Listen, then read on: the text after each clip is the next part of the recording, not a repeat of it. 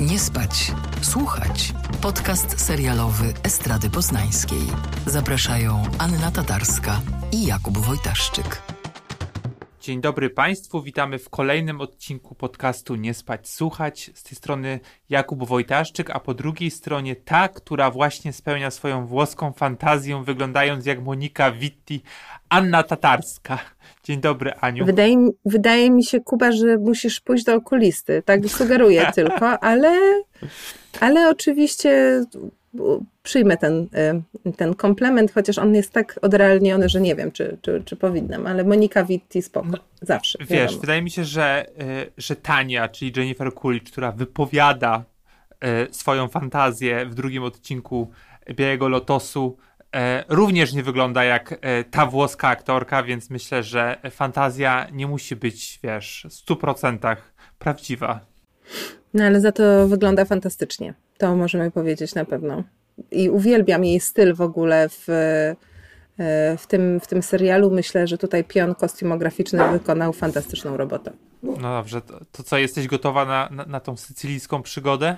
Tak, zdecydowanie. Whenever I stay at a White Lotus, I always have a memorable time. Always.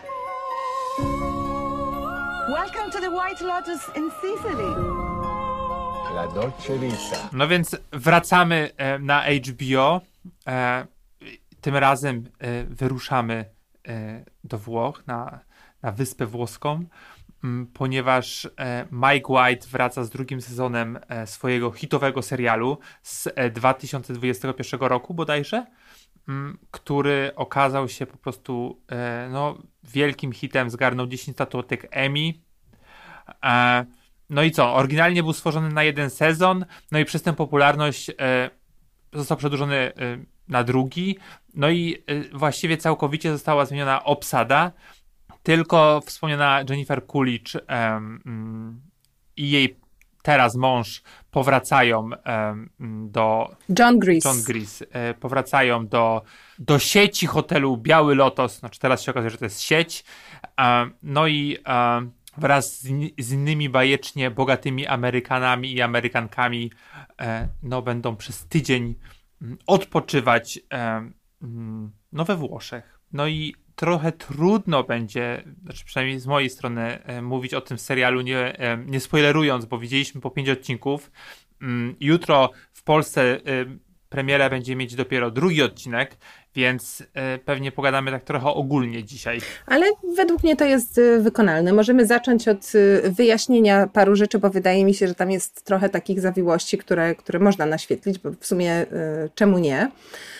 Tak jak powiedziałeś, rzeczywiście okazuje się, że Biały Lotos to jest sieć, co sugeruje, że jeśli dwójka pójdzie dobrze, myślę, że pójdzie, bo, bo podoba mi się ta odsłona, to może być i trójka, i czwórka.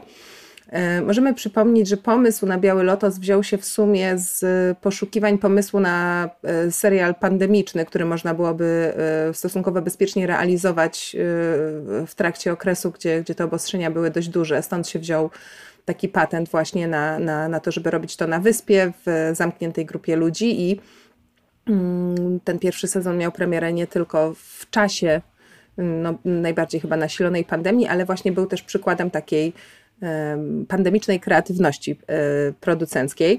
Można też powiedzieć, że e, Jennifer Coolidge e, i Mike White, czyli pomysłodawca serialu, jego scenarzysta, taki showrunner chyba tutaj, Znają się od, od wielu, wielu lat, przyjaźnią się. Kulicz bardzo fajnie o nim opowiada w wywiadach. To jest taki pan, którego można obejrzeć na materiałach making of. Mm, Bardzo polecam w ogóle wyszukanie tych materiałów. To jest taki śmieszny gość o aparycji takiego typowego, stereotypowego nerda, który zawsze robi masę dziwacznych min, e, macha rękami i się wygłupia na, na planie, ale to on jest mózgiem, e, który stoi za właśnie Białym e, Lotosem i też jest tym samym człowiekiem, który stworzył między innymi Pitch Perfect 3 czy czy Szkołę Roka, a mówię o nim tak dużo dlatego, że mm, z jednej strony jest to y, mm, jego bardzo nietypowe poczucie y, humoru, takie bardzo specyficzne, ale y, z drugiej strony on jest, można powiedzieć, sprawcą złotego okresu w karierze Jennifer Coolidge, która no, w branży jest od wielu, wielu, wielu, wielu, wielu lat. Ale mm, o czym zresztą sama mówi otwarcie, przez wiele lat czuła się no, cokolwiek niedoceniona. Oczywiście miało to związek z pewnymi mm, stereotypami odnośnie obsadzania ról kobiecych w powiedzmy e, Hollywood i tym, że ona do, do tego kanonu nie pasowała, była przez lata widziana jako y, najpierw y, szalona przyjaciółka, y, ekscentryczka, jakaś dziwaczka. Potem po American Pie z kolei po roli mamy Stiflera została wrzucona w szufladkę Milfa i, i, i Kugara. I dopiero ten Mike White, serdeczny przyjaciel, który ją obserwował podczas rozmaitych dziwacznych wyjazdów i potrafił spojrzeć głębiej za tę fasadę takich jakichś dziwactw i, i, i pozornego nieogarnięcia i, i chaosu i dostrzec w niej taką specyficzną inteligencję emocjonalną, dał jej tę rolę, bo on tę rolę napisał właśnie dla niej. To był pierwszy raz, ona zresztą mówiła o tym w jej karierze, kiedy ktoś w dużym skrócie powiedział: Słuchaj, napisałem dla ciebie serial, oraz powiedział y, producentowi, w tym przypadku HBO, przynajmniej oni tak mówią, że w tym serialu musi grać Jennifer tę rolę, albo go nie robimy. co jest, co jest no, z jednej strony cudowne, ale też na pewno jest, jest tutaj duża, duża presja, ale wydaje mi się, że ta ich relacja bliska, mm, widać ją na, na ekranie, bo ta postać jest z jednej strony niesamowicie irytująca, a z drugiej e, no, mam wrażenie, że twórcy patrzą na nią z bardzo dużą dozą mm, ciepła. Empatii? Tak, ciepła, ciepła hmm. i empatii jakoś tak, tak jakby te wszystkie dziwne rzeczy, które ona robi, miały być y, po coś. Mm, możemy też powiedzieć, tak jak, tak jak już zauważyłeś, że wymieniona jest cała, mm, cała obsada, to znaczy, że pożegnaliśmy się właśnie z Alessandrą Daddario, z fantastycznym Maryjem Bartlettem, z Jake'em Lacey'm, czy z tak. Connie Britton, no i mm, mamy nowych bohaterów. Myślę, że możemy po prostu spokojnie powiedzieć, Hmm, może nie tyle kto się pojawia, bo ktokolwiek ten serial ogląda, to już będzie wiedział, ale tak może jak tam oni nam leżą? E, no wiesz co, e, rozmawialiśmy, powiedzieliśmy o Jennifer Coolidge e, i też wspomnieliśmy o Gregu, czyli, e, czyli jej mężu e, i faktycznie pomimo, że Tania teoretycznie powinna być szczęśliwa, no bo, e, no bo znalazła miłość, której tak szukała w, e, w, w, poprzednim sezonie, gdy rozrzucała prochy swojej matki na oczach szczęśliwych nowożeńców. No ale jednak te, ta, no nie wiem, czy to jest taki e, wewnętrzny smutek, czy depresja, no cały czas e, w niej jest i dla mnie ona bardzo fajnie gra e, z takim wewnętrznym smutkiem e, jej asystentki Porsche, która jest przedstawicielką generacji Z, grają e, jedna z moich ulubionych aktorek e, Hayley Lou Richardson, którą możemy kojarzyć między innymi z Younga ostatnio, czy, czy z Columbusa, e, czy z takiego filmu Wspieraj dziewczyny, nie wiem, bodajże sprzed czterech lat. I to jest dla mnie bardzo fajna taka relacja, ponieważ ona no, jest poniewierana przez tą, przez tą Tanię, każe jej ona siedzieć w hotelu e, i, i, w pokoju i nie wychodzić z niego i być tylko na taką, na, na zawołanie. I no tak, i jakby kolejną osobą, którą ja bardzo cenię z kolei jest e, Audrey Plaza i e, tutaj się pojawia... Ale to poczekaj, to no. zaraz, do, zaraz do nich przejdziemy, bo ja jeszcze chciałam właśnie o Porsche powiedzieć. Okay. Wydaje mi się, że mm, mamy tutaj na ekranie wiele kombinacji takich duetów i, i, y, i trójkątów, y, w obrębie których rodzą się i rozgrywają różne napięcia.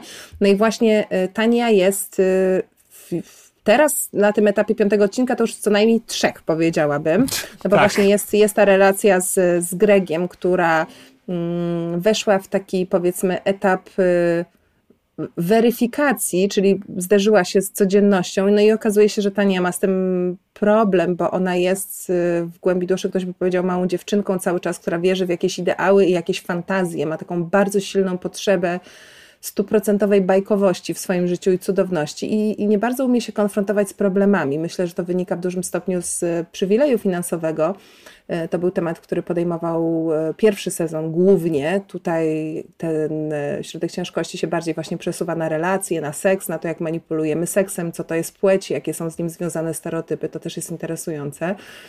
Mm, ale ona żyje w pewnym sensie w takim odcięciu, to znaczy no sam fakt, że ma asystentkę, kiedy tak naprawdę, umówmy się, nie wiem do czego ta asystentka tak. jest jej potrzebna, chyba tylko do tego, żeby miała poczucie, że w razie czego jest ktoś, kto ją uratuje, jak znowu zrobi coś Przytuli, głupiego. Bo ona nie, nie ma tam żadnych zadań biznesowych, żadnych y, spotkań, które trzeba ogarnąć, absolutnie niczego. Co więcej, tak jak wspomniałeś, Greg nie cierpi tego, że ta ym, Porsche z nimi jest na tym wyjeździe, więc Tania jej się każe chować, zabrania jej wychodzić y, y, z pokoju i z jednej strony traktuje ją no, przemocowo i ohydnie, ale totalnie tego nie widzi, oczekując od niej jednocześnie jakby pełnego wsparcia i empatii, przekraczając notorycznie y, granice mm, relacji prac- pracodawca-pracownik, zwierzając jej się w sposób po prostu no, obezwładniający taki emocjonalnie.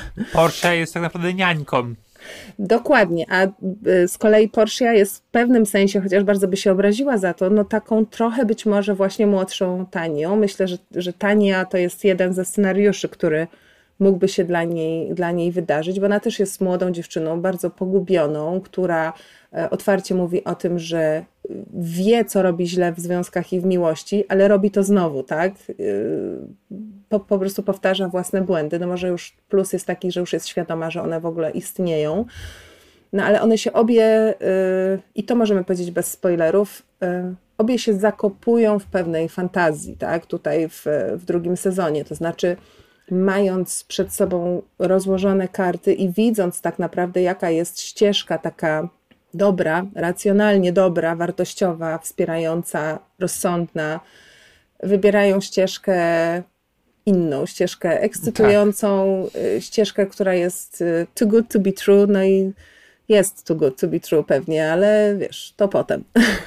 E, właśnie teraz tak sobie uświadomiłem, znaczy uświadomiłem sobie teraz, no o tym teraz powiem, że jak opowiadałaś o relacji Majka, właśnie Majka White'a z Jennifer Coolidge, no to tak naprawdę ta, ta postać Tani no, wpisuje się mm, w taką filmografię tej aktorki, że one są do siebie te wszystkie postaci podobne, czy spojrzymy właśnie na, na American Pie, czy spojrzymy na mm, Legalną Blondynkę, e, tylko tutaj mam wrażenie, że właśnie taka postać trochę na pierwszy rzut oka przynajmniej głupkowatej mm.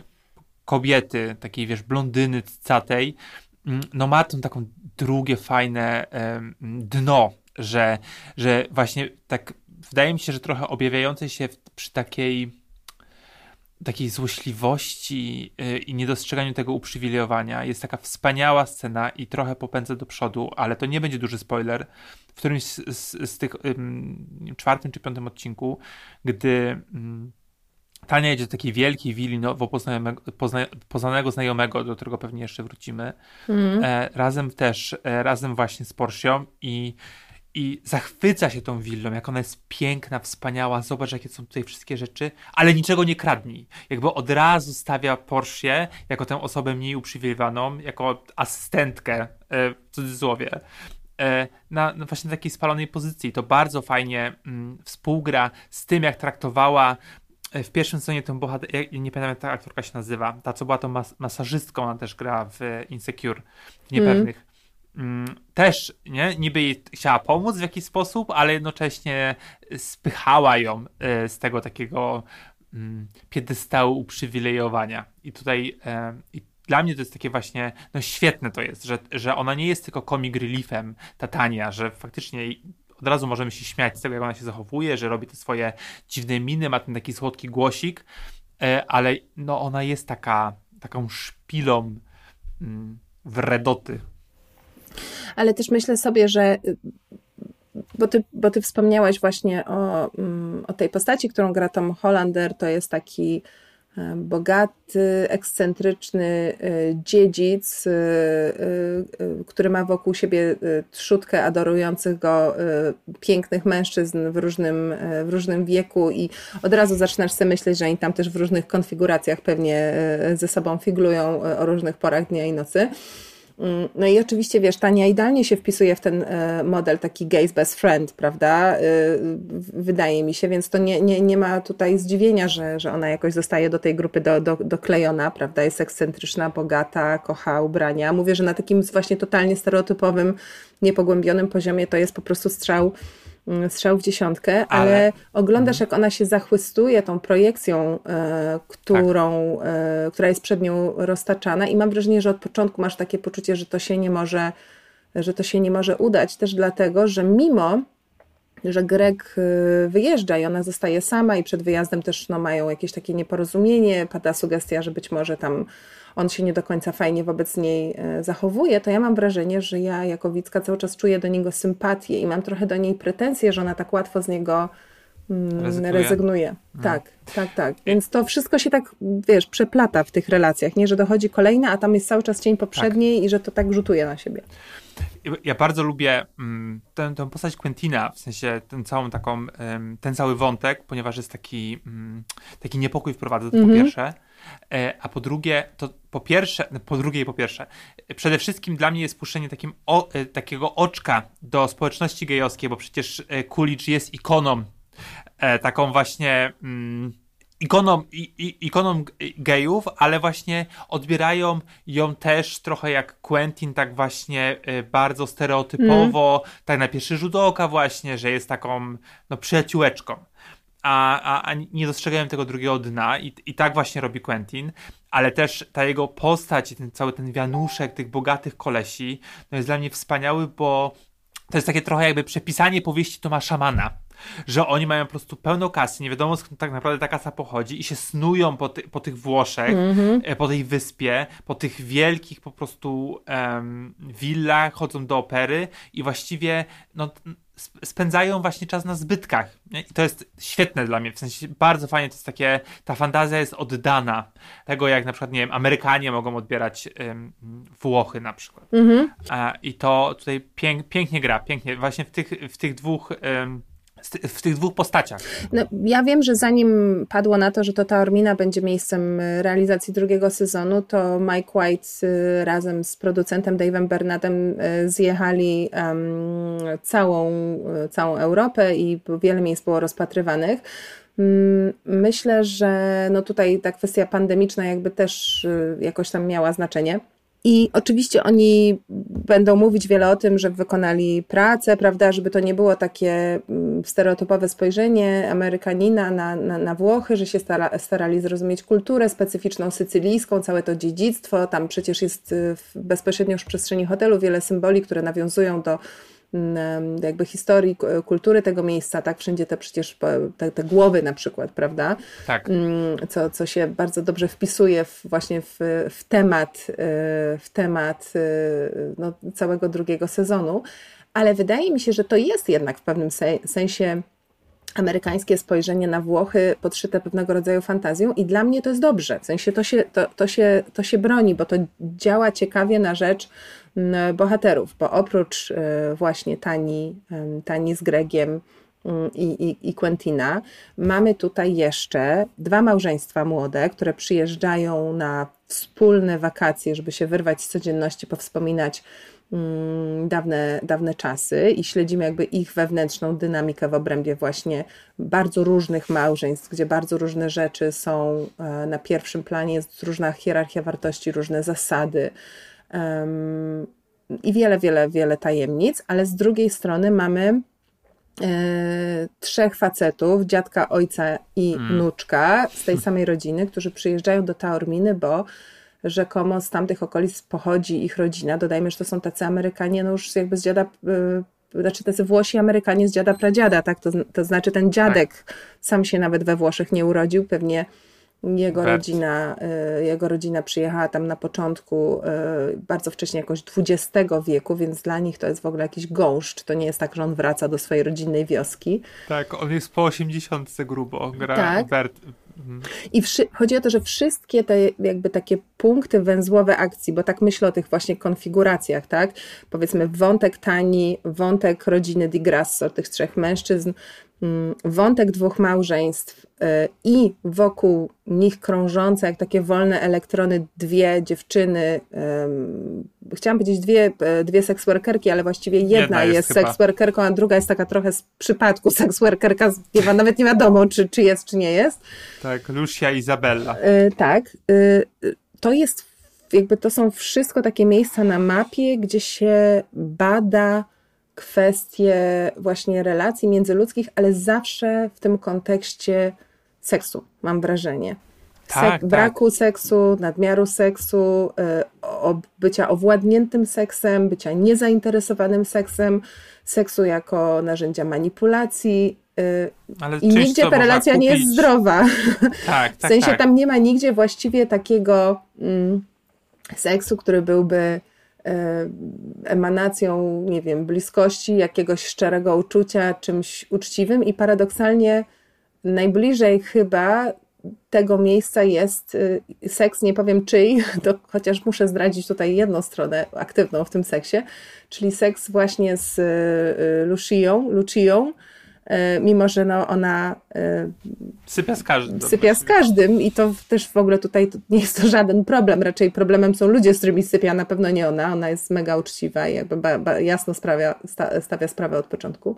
Ona jest takim lustrem y, rotującym, Tak, w którym się po prostu Jezus. przeglądają kolejni bohaterowie i powiedzmy, że to odbicie nie zawsze jest ładne. Tyle, wo- tyle wątków otworzyłaś, że nie wiem, od, do którego mam teraz, e, mam do którego uderzyć, ale może zatrzymajmy się na moment na tych dwóch dziewczynach, bo wydaje mi się, że to tak naj, najszybciej nam pójdzie. E, Mhm. Dla mnie to, że mm, no bo w pierwszym sezonie nie tylko pozna, poznawaliśmy tych bogatych e, Amerykanów i Amerykanki, ale też cały staw hotelowy. Znaczy cały, Mhm. tam częściowo przynajmniej. Tutaj to trochę wygląda kulawo, bo tak naprawdę mamy mm, tę pracownicę seksualną, jej koleżankę i jeszcze jest um, menadżerka Wa- hotelu. Valentina, w tej roli Sa- Sabrina y, Impacciatore. Tak, i to jest w sumie koniec. Cała reszta to są pionki. Tak. E, I do, do t- jeszcze- pewnie wrócimy na moment, ale zatrzymajmy się na tych dwóch młodych dziewczynach i faktycznie one dla mnie są takimi, wiem, że to za- zabrzmi źle, ale takimi bezpańskimi psami. Mhm. E, że one tam cały czas przysiadują, wiesz, na murku, gdzieś przysiądą, patrzą, obserwują cały czas em, tych gości hotelowych e, i trochę też tak się snują po tym hotelu, jak taki wyrzut sumienia dla tych napalonych Amerykanów, którzy wieczór wcześniej przynajmniej jednej zapłacili za to, żeby z nim spała e, i to bardzo fajnie gra też z, z tego względu e, właśnie tej, taki, takiego wyobrażenia po pierwsze Amerykanów em, e, Włochami, o czym, o czym powiedziałaś, ale też em, nas Europejczyków em, jak my, Europejczycy, wyobrażamy sobie Amery- Amerykę i mamy ten American Dream Mm. taki trochę niespełniony. No i jedna z dziewczyn faktycznie mówi, ta Lucia mówi, że ona by chciała jechać do Los Angeles, ale na to po prostu nie stać. Czego ci kolesie nie, nie rozumieją, no bo oni mają po prostu kasę i, em, i też nie uważają, że Los Angeles na przykład jest czymś po prostu wyjątkowym. Mm, I bardzo tak, bardzo się w tym odnajduję, w tych takich słowach właśnie tej dziewczyny, że że ta Ameryka jest gdzieś tam, wiesz, na drugiej stronie globu, e, każdy chce do niej lecieć, e, mało kto tam był mm, i e, a tak naprawdę, no, możesz poznać takich ludzi, którzy są w tym hotelu, no i trochę ich nie chcesz znać tak naprawdę. E, I e, to wyobrażenie e, no jest świetnie pokazane właśnie w, e, e, przy, tych, przy tych dwóch dziewczynach zwłaszcza. Mnie się bardzo podoba tutaj to, że Mike White wprowadza ten wątek totalnie bez żadnej stygmatyzacji. To znaczy, pojawia się tam z jednej strony em, m, takie uzasadnienie, że Lucia potrzebuje pieniędzy i mówi wprost, że robi to właśnie, bo no jakby tutaj się nie da inaczej zarobić i ona po prostu właśnie chce sobie ułożyć lepsze życie.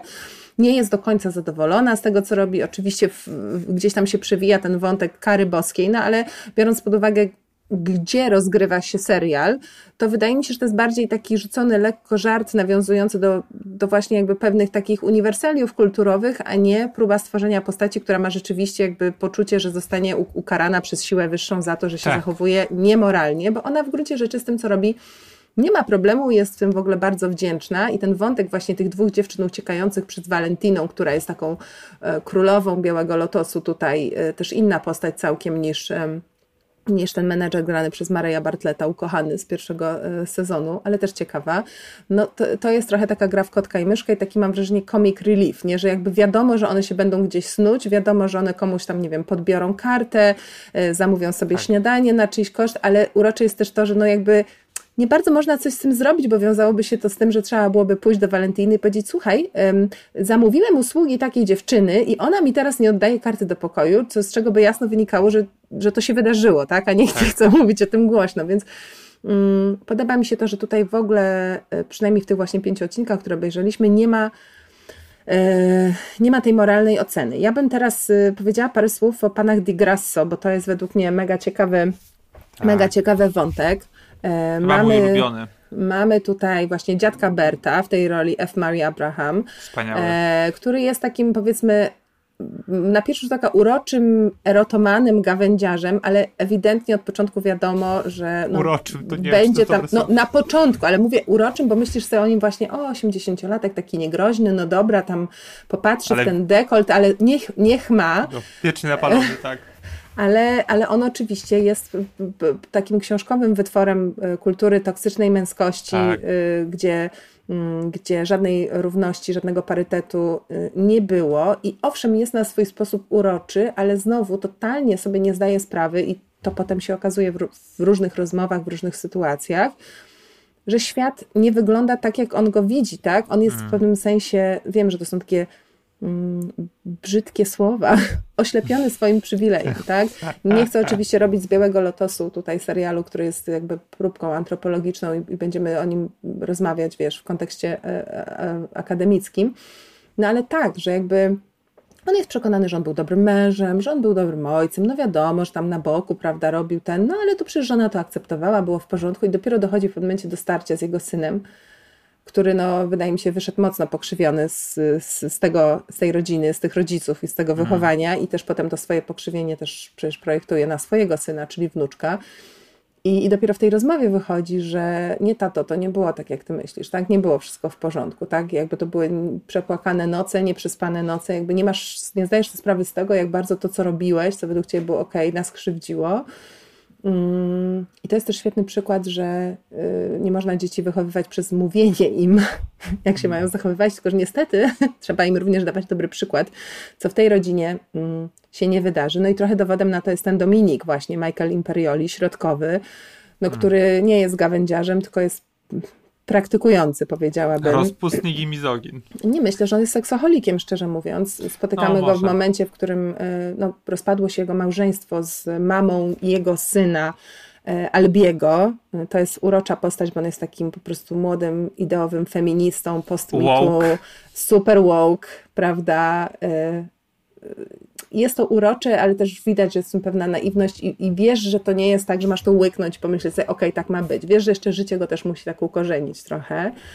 No, no i E, No i trochę już, no, nie, Nie. przepraszam. Mów, mów. nie, chciałam tylko powiedzieć, że Dominik Środkowy jest taką bardzo ciekawą postacią, bo i- ja mu wierzę, jak ja słyszę, że on chciałby do tej żony wrócić i wierzę w to, ale z drugiej strony, jak sobie myślę, co tam się musiało dziać, to w ogóle mu nie współczuję, że ona go zostawiła, tylko myślę, dlaczego tak, Tak. późno, nie? Myślę, że on jest przykładem faceta, który jest tak uwięziony mm, w pewnych schematach, z których się nie umie wyjąć, bo nie ma narzędzi, tak? Bo on jest jeszcze z tego pokolenia właśnie, że nie rozmawiało się o uczuciach, wkurza go, że ten syn tak wszystko jakby chce analizować.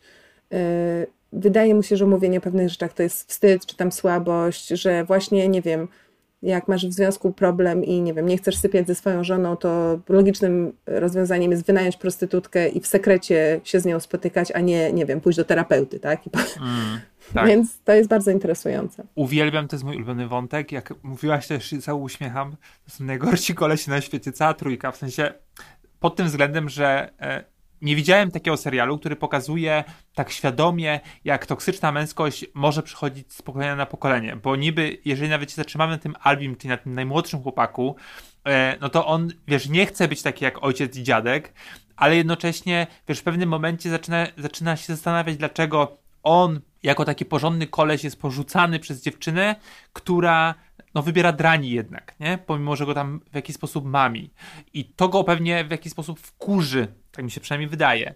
Z kolei Dom, w ogóle e, Michael Imperioli, czyli Chris rodziny Soprano, to, była, to był pierwszy aktor, który mnie do tego drugiego synu przyciągnął. Jak zobaczyłem, że on tam gra, to po prostu myślałem, że umrę ze szczęścia. Uwielbiam rodzinę Soprano, więc to jakby mm, e, jest normalne. Ale co chciałem powiedzieć, to to, że on w pewnym momencie w, w tym sezonie mówi właśnie ojcu, że to, przez, że to przez ojca jest tak popsuty, że to, że ojciec zdradzał tą żonę, e, że był nieobecnym, nieobecnym em, rodzicem, że przekazał wszystkie najgorsze cechy właśnie swojemu synowi, to dlatego on jest tym właśnie em, seksoholikiem, dlatego zdradza swoją żonę i postępuje źle. I to jest mm, z jednej strony pokazuje, jakim ten koleś jest po prostu, jak sobie nie zdaje sprawy z własnej odpowiedzialności. Ale to jest bardzo typowe, wiesz, ja pomyślałam, pomyślałam y, o tym, to są też takie rzeczy, mam wrażenie, które tym mocniej do nas trafiają, im bardziej mamy być może swoje jakieś doświadczenia trochę z tej przestrzeni, że wpływ rodziców na człowieka oczywiście jest niezaprzeczalny i ja absolutnie jestem przekonana, że dorastanie w takiej rodzinie miało na doma taki formujący wpływ, ale po prostu przychodzi moment, w którym trzeba wziąć odpowiedzialność za siebie i już nie możesz mówić w wieku lat pewnie prawie 60 to, że 200 razy zdradziłem żonę jestem uzależniony od seksu z seksworkerkami, to jest wszystko twoja wina. No nie, kurna, jesteś No nie, dorosły, tak. jakby oga- ogarnij się, tak? Iść na terapię. Dokładnie, no, więc y, to jest też, y, to jest bardzo prawdziwe. Myślę, że to jest Tak. bardzo, bardzo prawdziwe, tym bardziej, że mamy właśnie w tym wszystkim Albiego, wnuczka, który przecież się też wychowywał w tej rodzinie i taki nie jest, no, więc Na razie. hello. Można. No właśnie, też nie wiadomo, co będzie dalej, ale mm, jeszcze tylko chciałam dodać, że uważam, że Mike White po prostu tak genialnie, ale też bez, bo on w ogóle jest bardzo empatyczny w stosunku do bohaterów. On nie drze z nich łacha w taki okrutny, okrutny sposób i nawet jak trochę się podśmiewa z czyjejś właśnie postawy, naiwności, czy jakiegoś takiego za, za, zamkniętego postrzegania e, świata, to robi to w taki, taki czuły sposób. I z Albiego się też podśmiewa, bo y, dobra, to będzie spoiler, powiem to, uprzedzam, proszę za, zatkać uszy. No ale to Albi ląduje z Lucią w pewnym momencie, właśnie w tej takiej scenie, powiedziałabym, niemal w sumie romantycznej, mają bardzo przyjemny seks i, i jest fajnie. I tam jest taka scena, że on nie wie, on sobie nie zdaje Tak. sprawy, że ona jest seksworkerką i jakby po, po seksie ona no, mówi, że tam czy on jej zapłaci i on jest w szoku. Tak. Ale widzisz po jego oczach, że natychmiast sobie zdaje sprawę, że przecież tak, sex working jest ok, nie możemy piętnować kobiet z tego powodu, więc zamiast y, jakby nie tylko jakby w ogóle nie pozwolę, żeby to rzutowało na moją ocenę tej, tej osoby, chociaż w sumie tak mnie intuicja chyba, chyba prowadzi, to jeszcze natychmiast zdobędę pieniądze, żeby jej zapłacić, mimo że ona mi trzy razy powiedziała, że wiesz co, w sumie to mi nie płać, bo było miło i właściwie to moglibyśmy się spotkać jeszcze raz, ja sobie znajdę dla ciebie czas poza moim tutaj zarabianiem i tak możemy się pobzykać za darmo, nie? Nie, nie, on pójdzie i jeszcze podejrzewam, że jeszcze jej zostawi na Tak. piwek. Ale ciekawe, czy tak by zrobił, jeżeli by się dowiedział, że spała najpierw z jego ojcem w pierwszym odcinku, więc... Myślę, że tak. Myślę, że tak. Y, Myślę, że tak, bo jakby y, on by sobie to natychmiast uzasadnił, że przecież no właśnie to jest jej praca, on nie może jej oceniać. y, Jej ojciec tutaj jakby w tej relacji nie był ojcem, prawda, chłopaka, ona wtedy nie mogła być tylko, był tylko klientem. Jestem przekonana, że on by sobie to uzasadnił, bo on właśnie taki jest. No. Jeszcze zatrzymując się przy, na, na moment przy tych mężczyznach Di Grasso, warto dodać o Bercie, że on też żyje fantazją właśnie na, temat Włoch i swojego włoskiego dziedzictwa. I jest piękna scena ogląda Ojca Chrzestnego. I on sobie wyobraża po prostu, że jest tym Corleone na pewno. I to jest piękne, pię i to w ogóle nie jest skomentowane w jakiś sposób, ale jest później wycieczka po włoskich lokacjach, które były wykorzystane, wykorzystane w Ojcu Chrzestnym. I jest tam samochód, który, który brał udział e, w jednej ze scen, gdzie żona Michaela Corleone wybucha w tym samochodzie.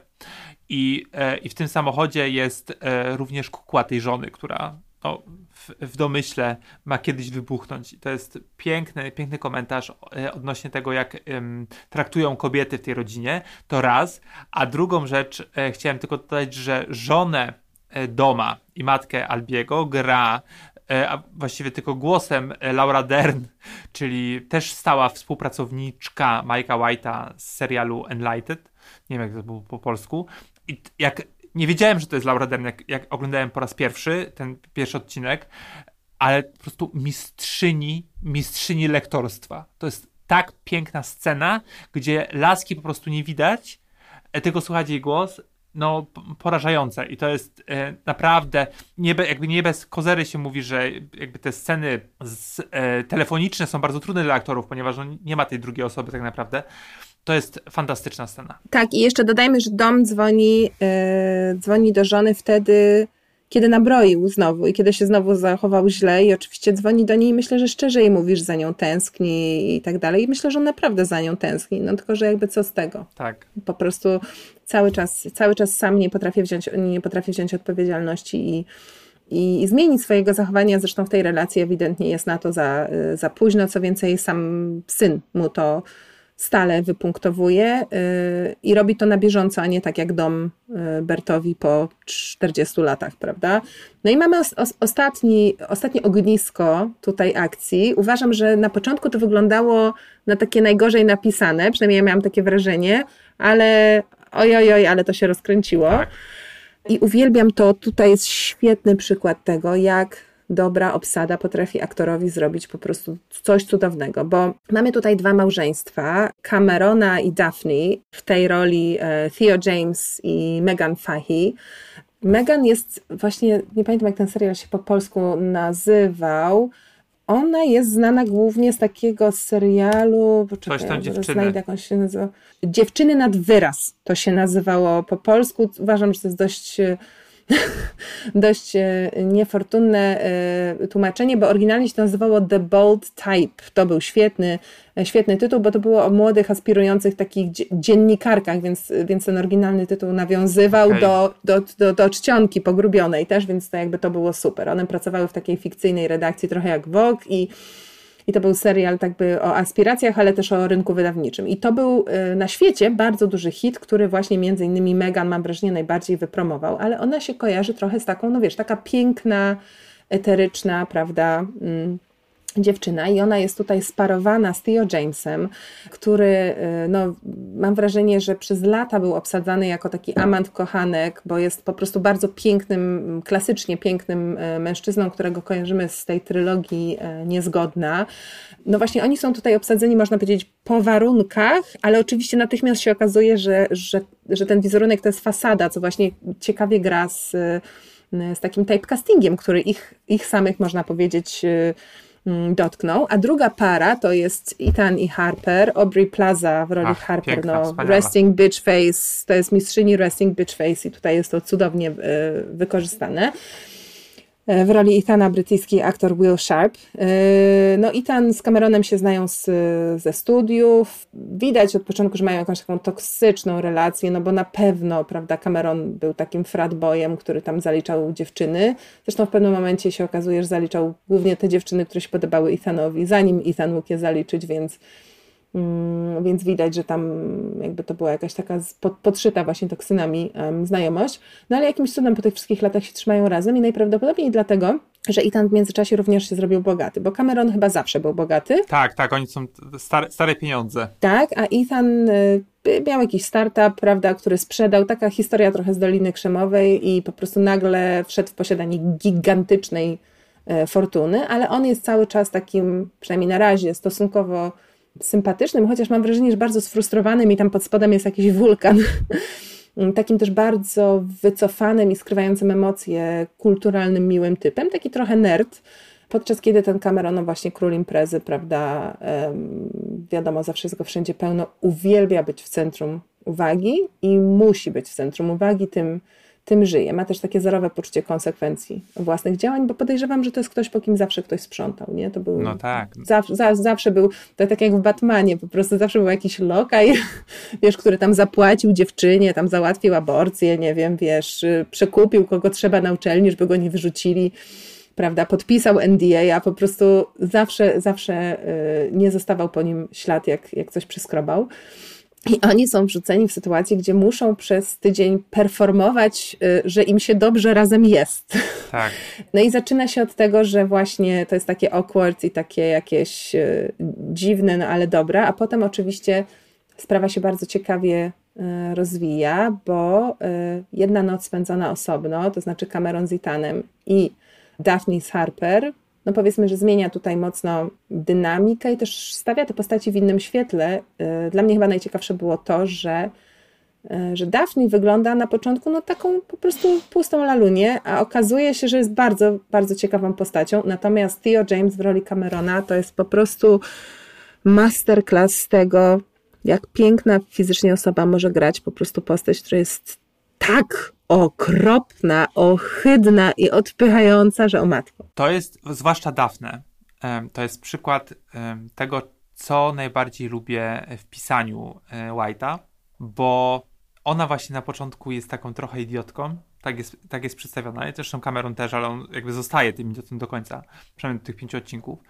Oni nie, głos, nie głosują na przykład, nie czytają, oglądają Teda Lasso. Nie, po, pa, pamiętaj, ona głosuje i on jest tym zdziwiony, bo oni właśnie mają taką rozmowę przy stole, że tam oczywiście wiadomo, że Harper z Itanem to wiesz, tam głosują, chodzą na demonstracje, Tak, tak, tak. prawda, myślą o globalnym ociepleniu, a tam ci tam, e, co? I tam Cameron mówi do żony, no przy co ty głosowałaś? I ona tak, no tak.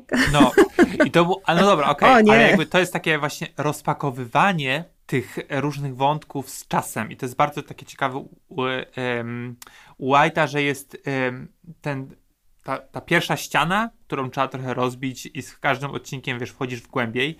I to też jest wspaniałe, bo właśnie Harper pewnie byłaby taką w pełni sobą, tak jak, jak ona się uważa, że jest, wiesz, taka oczytana, inteligentna i tak dalej, gdy e, i mm, światła i, te, i jakby to, że jest nagle bogata wcale nie robi na niej wrażenia. Ona wręcz próbuje podkreślać to, że jakby tak, mam teraz pieniądze, ale nie postrzegaj mnie przez pryzmat pieniędzy, bo jestem w pierwszej kolejności wartościową obywatelką. Tak jakby te pieniądze jej niemalże przeszkadzają, mam wrażenie. Tak, ale jednocześnie chodzi w kostium kąpielowy z Gucci, czy z innego Louis Vuitton, czy jak tam są jakieś ten... No bo wiesz jak to jest, jak coś masz, to ci może przeszkadzać, Tak, nie? dokładnie, dokładnie. I to jest pięknie zagrane, pięknie pokazane. Uwielbiam to i też tak właśnie powiedziałeś o tym tape, tape castingu. Wydaje mi się, bo Mike White e, brał udział w, w jednym z sezonów reality show e, Survivor, gdzie e, osoby bohaterskie są wybierane wedle schematów, że musisz wcisnąć się w jakieś pudełko oczekiwań producentów, producentek, no i w pewnym momencie jesteś zmuszona pokazać swoją prawdziwą twarz. No i tak trochę jest z Lotosem, że on wybiera po prostu ludzi, których na początku ustawia wedle jakiegoś tam wzoru i później to zostaje zupełnie przekręcone i to właśnie fajnie widać w Dafne chociażby, ale też, e, ale też w Porsche, ona się w ogóle zmienia i generalnie w każdym z tych swoich e, osób bohaterskich em, ta, ta, tak z nimi robi. Ale jeszcze taki fun fact e, właśnie a propos tego, e, tego reality show, o którym e, wspomniałem. Pierwsza sce- e, czy serial otwiera scena oczywiście śmierci, tak jak, tak jak poprzedni, w poprzednim sezonie. No Tak, i Dafne. Dafne, tak, Dafne mówi do dwóch, do dwóch dziewczyn, które siedzą na, które zaczynają swój urlop i siedzą też na leżakach, opalają się. I to są właśnie dziewczyny, które brały udział również w, Sywa- w Survivor raz, razem z, z Mike'em White'em e, w tym samym sezonie. E, Kocham, i że prostu- wiesz takie rzeczy. To Mm. jest wspaniałe, że wiesz, wyobrażasz sobie, dzwoni do ciebie, ej dziewczyny, chodźcie, przyjedźcie na tydzień, czy tam na ileś... No ta Orminy, tak, zapraszam was do pięciogwiazdkowego hotelu, słuchajcie, pojawicie mi się w nakręcimy scenie jedną scenę za kasę HBO. Tak, ale to jest, to jest dowód na dbałość o, o szczegóły. I powiem Ci, że Dafne, y, tych ulubionych postaci mam tu dużo, ale u mnie ona jest w moim top 3, bo to jest ta postać, która przechodzi taką transformację w oczach widza, tak? Nie ona jakby jako postać, tylko że ty zostajesz wpuszczony totalnie w maliny i potem ci jest wstyd, że ją, że ją za szybko oceniłeś i trochę stawiasz się w związku z tym po stronie Harper, która oczywiście natychmiast ją y, zaszufladkowała jako tę kretynkę, żonę tego pozera, E, A potem, po tym wspólnie spędzonym czasem, cho- czasie, chociaż Harper jest niesamowicie oporna i bardzo się jakby nie chce poddać tej intuicji, okazuje się, że być może Daphne, która żyje w inny sposób niż Harper i któr- one nie zostaną najlepszymi przyjaciółkami, ale że Daphne ma jej naprawdę bardzo dużo do zaoferowania i że w sposobie, w jaki ona postępuje, którym Harper na początku gardziła, jest jakaś być może naprawdę niesamowita inteligencja nawet. E, I myślę, że przynajmniej na tym etapie, na którym jesteśmy, bo wiemy, że tam się pewnie zaraz wszystko znowu obróci o 180 stopni, myślę, że Harper nie przyzna się, ale że ona w pewnym sensie zaczyna Dafne nawet podziwiać. Tak, mi się wydaje, że, że tak jest. Że to w tych właśnie e, już końcowych odcinkach, naszych końcowych odcinkach, to widać. E, I to no fajnie to jest pokazane. Zwłaszcza też, tak podbijając to, co powiedziałaś teraz, my najbardziej znamy Audrey Plazę. Bardziej niż tę, e, niż tę aktorkę, e, która gra Daphne. I pewnie ją lubimy z, Par- z Parks and Recreation. Nie? Że to jest ta właśnie, to jest ta Audrey Plaza, którą po prostu, która jest wredna, ale miła. A tutaj właśnie znowu e, Mike White no, gra z naszymi takimi wyobrażeniami, oczekiwaniami. To jest bardzo, e, bardzo fajne. Ja najbardziej tak, lubię Daphne. Znaczy, To nie jest moja ulubiona, ulubiona postać, bo ulubiona oczywiście Dominik? e, to jest Dominik, ale to tylko dlatego, że to jest e, Michael Imperioli. Ale też wydaje mi się, że to jest bardzo ciekawie napisana postać.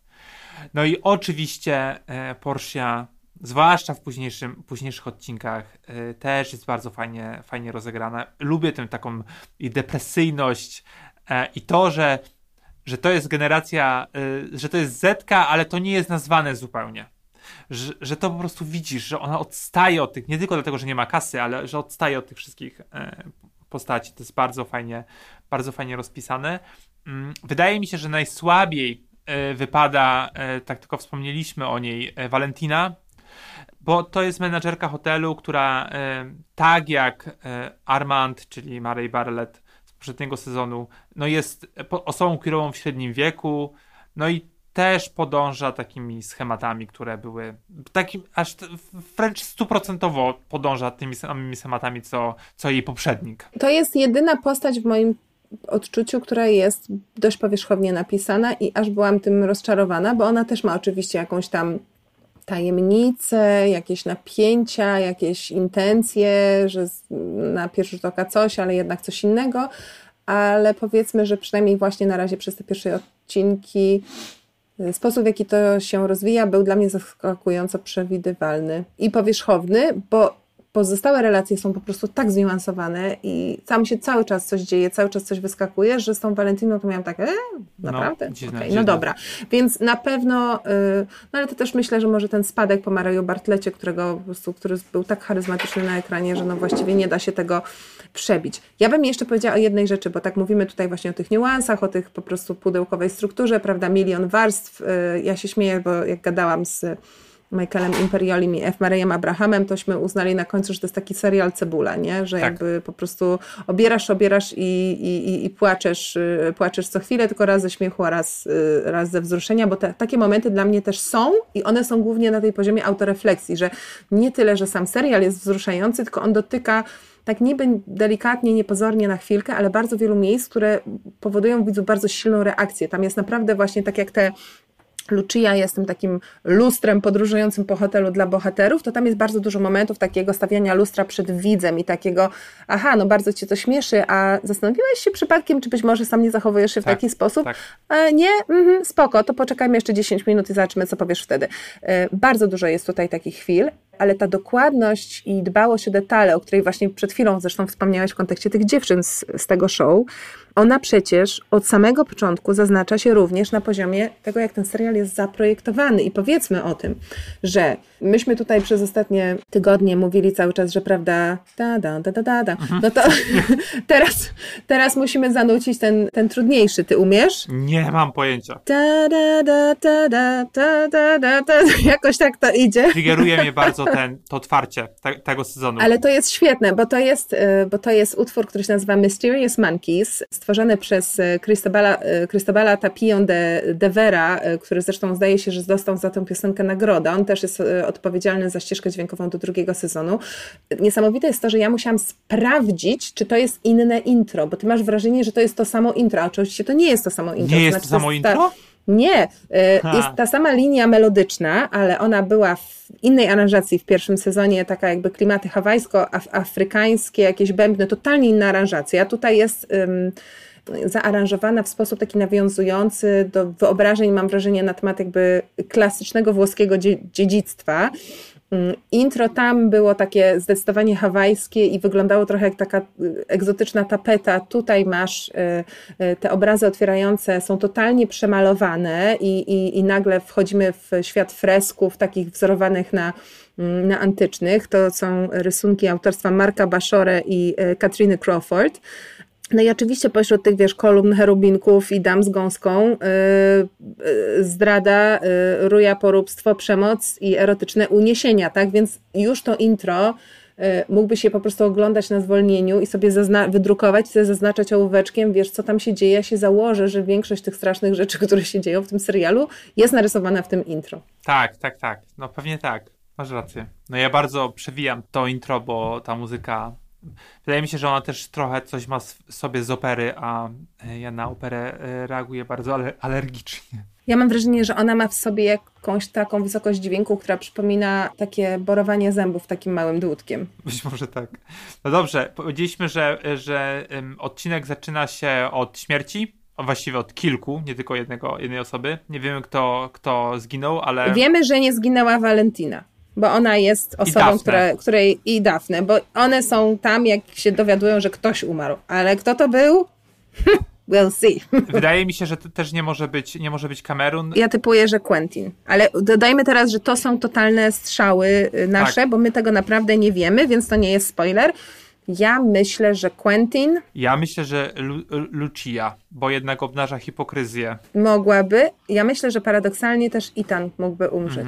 Mhm, Że to jest taki bohater na zasadzie, przynajmniej na razie, taki, żeby umarł tak bez sensu, trochę nie wiesz za co, ale na pewno nie zostanie ukarany ktoś, kto w naszym odczuciu zasługiwałby na karę. Tak. Bo gdyby tak było, to w pierwszym sezonie umarłby bohater Jacka Lacey'ego, No. a tak się nie stało. No, to, to prawda. No dobrze. No myślę, że, e, że to jest bardzo dobry sezon. Taki. To oczywiście nie jest mój ulubiony serial tego, tego sezonu jesiennego, aczkolwiek bardzo dobrze się przy nim bawię i zbingowałem po prostu te pięć odcinków jak stary. Trochę żałuję, że to zrobiłem. No ja myślę, że ja wrócę, y, teraz będę czekać, bo myśmy dostali pięć i nie wiem, czy dostaje, dostaniemy ten, y, ten finał przed finałem. Może być tak jak z Grą Tron, że będziemy musieli czekać do, do finału. Natomiast y, ja po prostu poczekam, aż one się pojawią i wtedy obejrzę jeszcze raz od początku. No, warto, warto. Tam są dużo rzeczy do rozpakowywania. No dobrze. No to y, ciao, ciao grazie Ciao. w takim razie. Arrivederci. Arrivederci. Chociaż powin, powinnam powiedzieć tak, arrivederci, a ty mnie teraz pochwal. Pięknie pani mówi po włosku. Pięknie. To tak jak z Bertem y, i, i z Dominikiem, którzy, prawda, y, bardzo są zachwyceni, że umieją dwa słowa po włosku i oczekują, że wszyscy to, to zauważą. Tak, ta, tam jest po prostu no wszystko po prostu. Dobra, bo można, można gadać jeszcze kolejne 50 minut o tym samym serialu. Dobrze, dziękuję Ci, Aniu, do usłyszenia za tydzień. Grazie, grazie. Grazie mille. Nie spać, słuchać. Producentem podcastu jest Estrada Poznańska. Wszystkie odcinki znajdziesz na estradapoznań.pl.